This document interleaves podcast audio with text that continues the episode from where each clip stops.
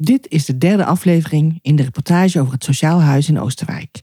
Een inwonersinitiatief dat is uitgegroeid tot een maatschappelijke organisatie met meer dan 200 vrijwilligers. In de eerste aflevering hebben we gesproken met de initiatiefnemers van het Sociaal Huis, Karen en Erik Rentmeester. In de tweede aflevering spraken we Jules Willemsen, beleidsadviseur samenleving bij de gemeente Oosterwijk. En in deze aflevering komt Marianne van de Oetelaar aan het woord, trouwe vrijwilligster van het eerste uur. Je luistert naar de Ambtenaren zijn net mensen podcast. Mijn naam is Patricia Braat. En als veranderdeskundige met inmiddels 20 jaar ervaring sla ik de brug tussen ambtenaren en actieve inwoners. In deze podcast ga ik in gesprek met specialisten en deel ik mijn eigen kennis en ervaring, zodat jij als gemeenteambtenaar geïnspireerd wordt om met plezier en enthousiasme jouw werk echt betekenis te geven. Heel veel luisterplezier.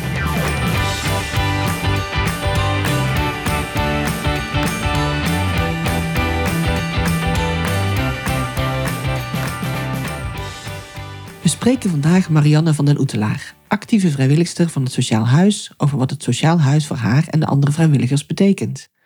Ook spreken we over de rol van de vrijwilligers en waarom Karen en Erik zoveel betrokkenheid bij de inwoners van Oosterwijk kunnen losmaken.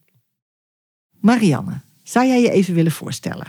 Ja, ik ben Marianne van der Oetelaar, 75 jaar, geboren en getogen in Oosterwijk, getrouwd, moeder van twee kinderen, zoon en dochter. Ja. En oma van drie kleinkinderen en overgrootoma van één kleinzoon. Oh, kijk. Dus, eh, nou, en ik doe dit. Karen is mijn nichtje. Ja. Dus zodoende ben ik hier bij het. Sociaal Huis terechtgekomen. Als vrijwilligster. Als vrijwilligster. Ja. ja, ja. Kun jij eens eh, vertellen wat je allemaal doet binnen het Sociaal Huis? Nou, we zijn eh, toen, we, toen ik voor het eerst begon, is het eigenlijk in eerste instantie, was het ook weer nu ontmoet in beweging is, was toen ook al bewegen voor senioren. Ja. En het begon bij het oude zwembad. Dus daar heb ik al die tijd bij gezeten. En toen hadden we met een vriendin van mij, die ook vrijwilligster is, Kobi, hadden we het idee, en ook van Karen uit en Erik, om iets te organiseren voor mensen. Dus een gezellige morgen of middag hadden en dan een, klein hapje erbij en een spelletje of zo. Dus toen zijn we eigenlijk begonnen met de aanschuiftafel. En er was elke maand, één keer in de maand, bij de Rode Lelie, bij het Natuurtheater. Nou, dan hadden ze koffie met iets lekkers. Ik bakte af en toe ook eens iets. En dan kregen ze een, lun- een kleine lunch. En we deden een keer een bingo, of een spelletjes, of ze hadden een creatieve morgen dat er iets gemaakt werd. Van daaruit hebben we ook, eh, net als de week van de verbinding, hebben we ook steeds gedaan. Er is een keer, nog voor de corona allemaal, een circusweek geweest. Oké. En ja, daar hebben we ook heel de week eh, bij geholpen. Je hebt de Internationale Vrouwendag. Dat is het ook. Nu het Sociaal Huis zich eigenlijk weer meer aan het uitbreiden is... dat we nu ook een kledingbank zijn begonnen van eh 0 tot 12 jaar kinderen. Speelgoedbank. Eh, het naaiatelier. Want het is onvoorstelbaar, daar hebben veel mensen geen erg in... maar dat er toch nog veel armoede is. Ook in Mogestel en in Oosterwijk en in Haren. En dat er nog kinderen zijn die bijvoorbeeld geen cadeautje krijgen met de verjaardag. Nee. Dus de mensen kunnen zich aanmelden bij Karen of bij Van Rent. En dan weten wij welke leeftijd eh dit kind is. En dan zoeken wij hier eh, speelgoed bij elkaar. We pakken het in voor hun. En dan kunnen ze het hier op komen halen of ze geven het af daar. Dus, en ook met die kledingbank, daar beginnen we nou ja, begin maart mee. Dat eh, mensen er eigen aan kunnen melden. En we hebben ja, meest tweedehands kleding, maar wel, we kijken het helemaal na. Of dat het allemaal wel netjes is en zo. Want als het niet netjes is, dan kunnen we het wegdoen. En daar komt dan ook weer iemand voor, dus daar verdienen we ook weer iets mee. Want er moet natuurlijk ook wel geld gegenereerd worden voor de dingen die gedaan worden. Want we hebben ook de opkikker. Er is dan eh, in de coronatijd was het dat er eh, restauranthouders uit Oosterwijk een minuutje maakten voor de mensen.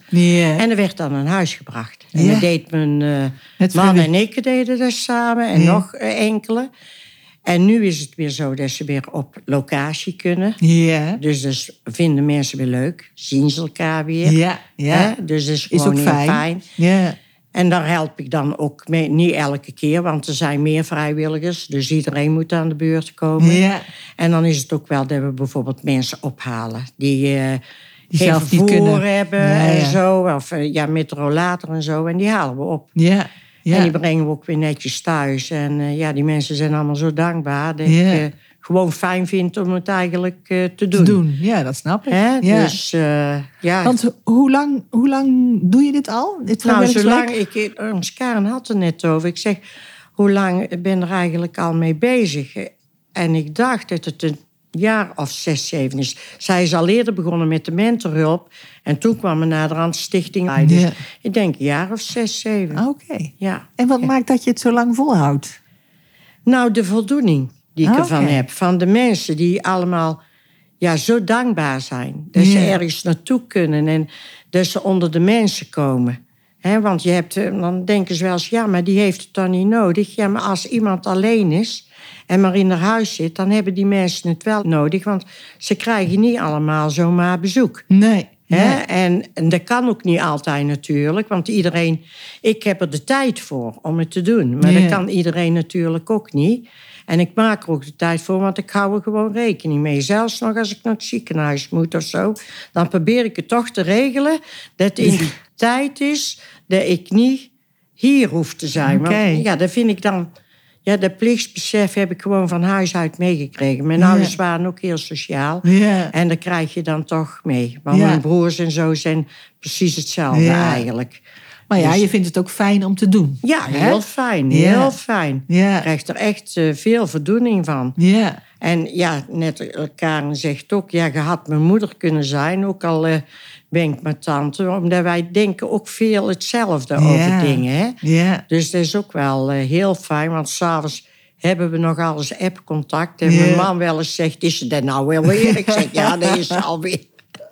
Maar dat is gewoon eh, heel fijn. En Ja. eh, raad aan elkaar geven. Dus eh, Nou ja, en als je zoveel tijd in, in de week besteedt Ja. aan dit, dan is het natuurlijk ook belangrijk dat je je er fijn bij voelt, ja, toch? en, en dat voel ik ook. Dus, en ook net bij de ontmoeting in mijn week. Ik ken alle mensen dan ook bij naam Ja. natuurlijk. En dan komen er wel eens niet...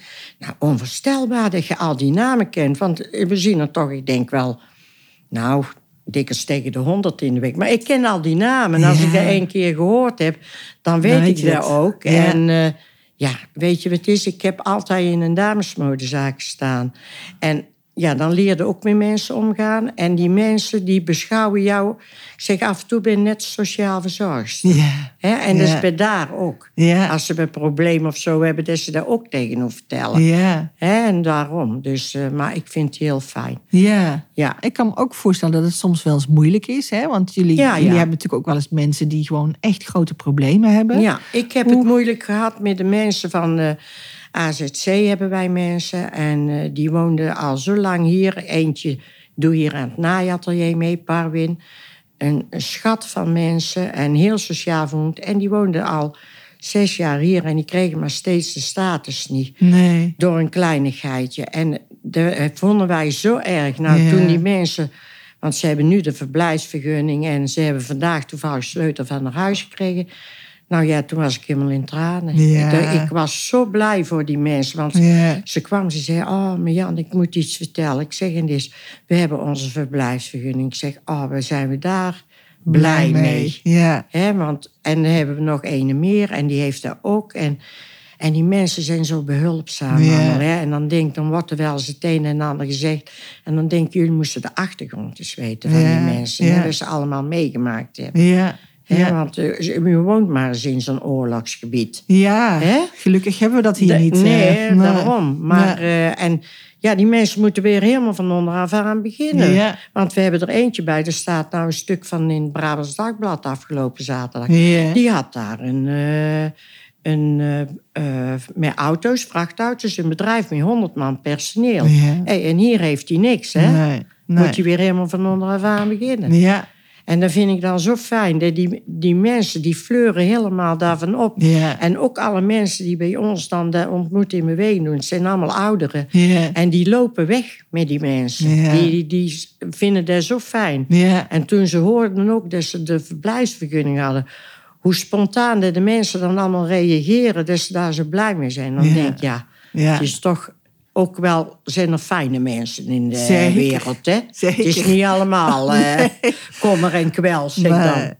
Dus, nou ja, eh, maar het is ook hè, in, in dit soort omgevingen, als je dit soort werk kan doen, dan, Ja. dan helpt dat natuurlijk ook. Hè, Ja. om een, een, Ja. een positiever beeld te krijgen ja, van de ja, ja, mensen. ja, ja, ja.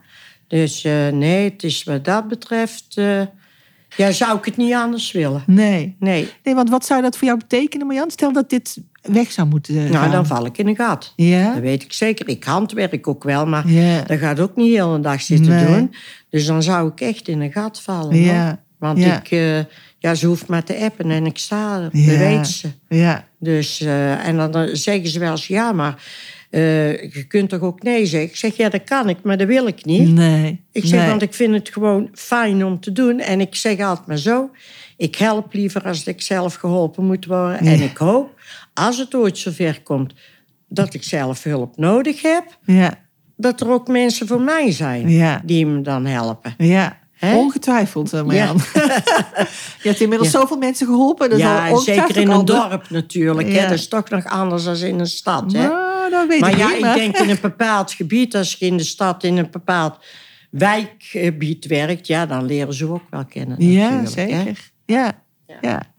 Nou ja, het is... Ja. En mensen leren kennen. Dat is Ja. natuurlijk, als je daar open voor staat, is Ja. heel belangrijk. Dat hè, vind ik heel fijn.